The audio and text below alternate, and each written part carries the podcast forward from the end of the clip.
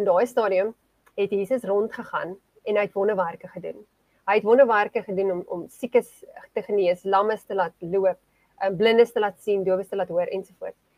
En hy kom by sy by sy eie grootworddorp, sy daai area. En hy kan nie een wonderwerk doen nie. En luister hierna, hy kon geen enkele wonderwerk doen nie behalwe dat hy sy hande op 'n paar siekes gelê het en hulle gesond gemaak het. Hy was verbaas oor die ongeloof van die mense.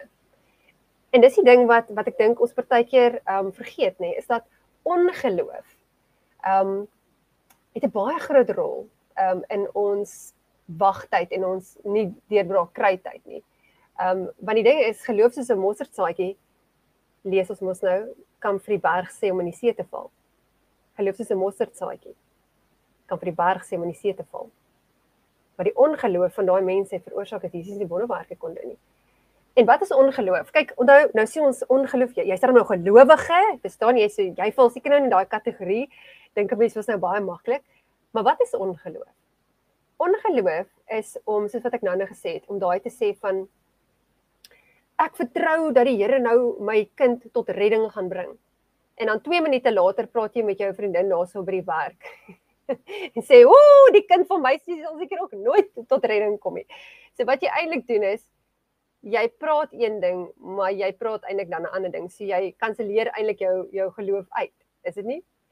Ehm um, so ek dink ons moet, moet miskien ook weer gaan kyk na hoe ons praat oor dinge. Of soos byvoorbeeld jy wil baie graag 'n uh, uh, huweliksmaat ontmoet. Ehm um, en jy jy dis reg jou hartsbegeerte nê jy jy bid daaroor maar hoe praat jy daaroor met jou vriendinne ag ek sal seker ook maar alleen oud raak dis dan jy ek weet jy weet van sulke mense jy jy dit nou hier miskien ook voor die skerm sit. Jy het miskien ook ook daai mense in jou lewe. Miskien is jy self skuldig dat jy um een ding praat en 'n ander ding leef. Ek dink dit is nogal belangrik om na mense woorde net weer bietjie te gaan kyk nê so die tweede ding is is juis um negatiewe woorde. Lewe en dood is in die mag van die tong lees as in Spreuke 18 vers 21 nê lewe en dood is in die mag van die tong.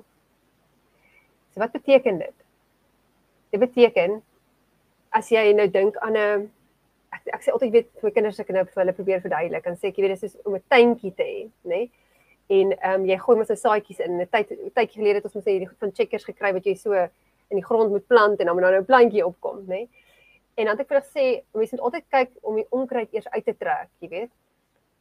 Ehm, um, maar ek dink met ons woorde is ons beter besig om saad te saai.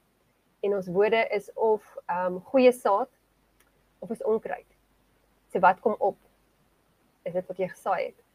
So negatiewe woorde moet die mense miskien dalk weer gaan let op, nee, en gaan kyk of daar nie ehm uh, miskien nog iets is wat wat moet verander nie.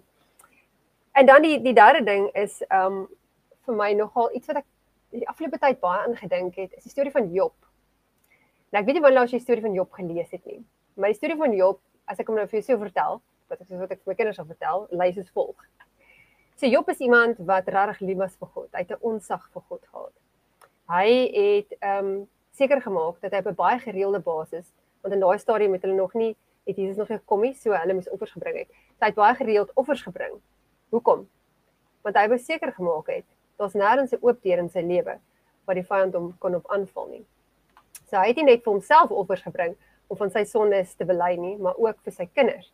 So wat het gebeur? Satan het rondgeloop en hy het gekyk oor die aarde en hy het by God gekom en God het hom gevra wat jy vir Job gesien.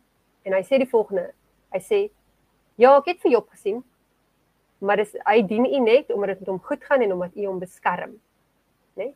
En ons weet daar was 'n muur van vuur reg rondom Job en dan weet ons nou hoe die storie uitgespeel het. Um hoe God dan vir hom um 'n geleentheid gegee het om vir Job te toets en hoe Job die toets geslaag het.